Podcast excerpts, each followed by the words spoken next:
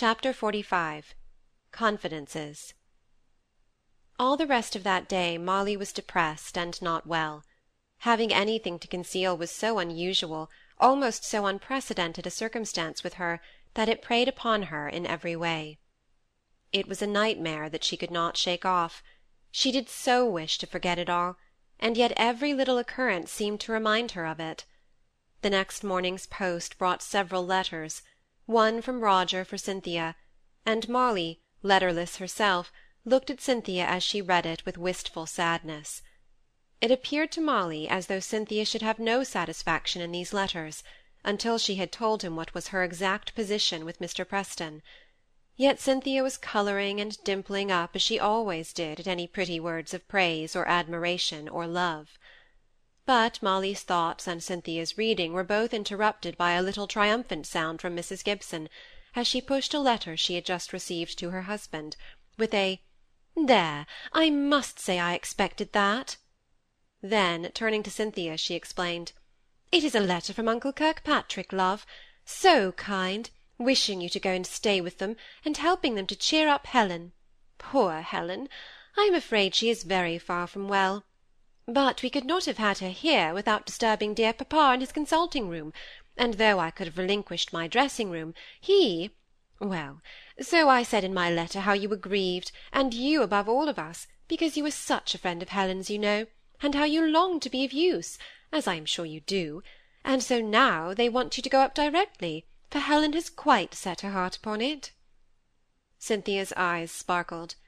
I shall like going, she said all but leaving you, Molly," she added, in a lower tone, as if suddenly smitten with some compunction. "Can you be ready to go up by the bang up tonight?" said Mr. Gibson.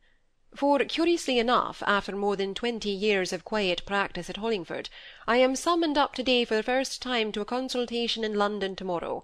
I'm afraid Lady Cumnor is worse, my dear." "You don't say so!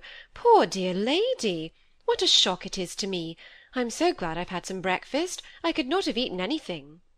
"Nay, I only say she is worse. With her complaint, being worse may be only a preliminary to being better. Don't take my words for more than their literal meaning." "Thank you. How kind and reassuring dear papa is!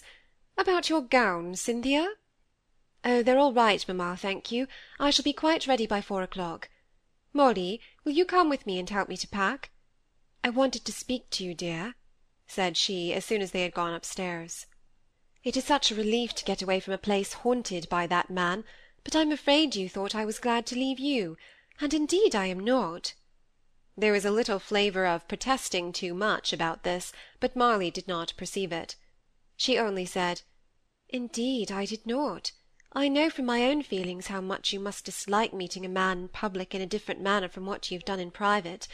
I shall try not to see Mr. Preston again for a long, long time, I'm sure. But, Cynthia, you haven't told me one word out of Roger's letter. Please, how is he? Has he quite got over his attack of fever? Yes, quite. He writes in very good spirits. A great deal about birds and beasts as usual, habits of natives and things of that kind. You may read from there, indicating a place in the letter. To there, if you can. And I'll tell you what. I'll trust you with it, Molly, while I pack, and that shows my sense of your honour. Not but what you might read at all, only you'd find the love-making dull. But make a little account of where he is, and what he is doing, date, and that sort of thing, and send it to his father. Molly took the letter down without a word, and began to copy it at the writing-table, often reading over what she was allowed to read, often pausing, her cheek on her hand, her eyes on the letter and letting her imagination rove to the writer, and all the scenes in which she had either seen him herself, or in which her fancy had painted him. She was startled from her meditations by Cynthia's sudden entrance into the drawing-room, looking the picture of glowing delight. "No one here? What a blessing! Ah, Miss Molly, you are more eloquent than you believe yourself. Look here," holding up a large full envelope, and then quickly replacing it in her pocket, as if she was afraid of being seen. What's the matter, sweet one?" coming up and caressing Molly. "Is it worrying itself over that letter?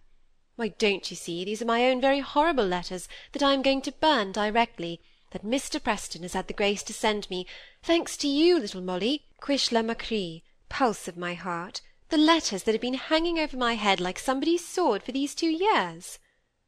Oh, I am so glad, said Molly, rousing up a little. I never thought he would have sent them. He is better than I believed him. And now it is all over. I am so glad. You quite think he means to give up all claim over you by this, don't you, Cynthia? He may claim, but I won't be claimed, and he has no proofs now. It is the most charming relief, and I owe it all to you, you precious little lady. Now, there's only one more thing to be done, and if you would but do it for me, coaxing and caressing while she asked the question. Oh, Cynthia, don't ask me. I cannot do any more.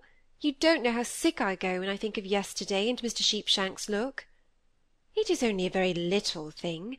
I won't burden your conscience with telling you how I got my letters, but it is not through a person I can trust with money, and I must force him to take back his twenty-three pounds odd shillings. I have put it together at the rate of five per cent, and it's sealed up. Oh, Molly, I should go off with such a light heart if you would only try to get it safely to him. It's the last thing, there would be no immediate hurry, you know.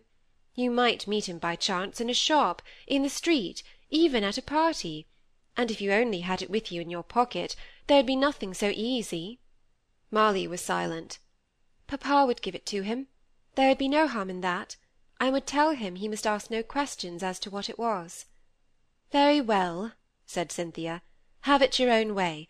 I think my way is the best, for if any of this affair comes out but you've done a great deal for me already, and I won't blame you now for declining to do any more. I do so dislike having these underhand dealings with him, pleaded Molly. Underhand? Just simply giving him a letter from me? If I left a note for Miss Browning, should you dislike giving it to her?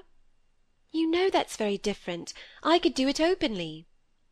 And yet there might be writing in that, and there wouldn't be a line with the money.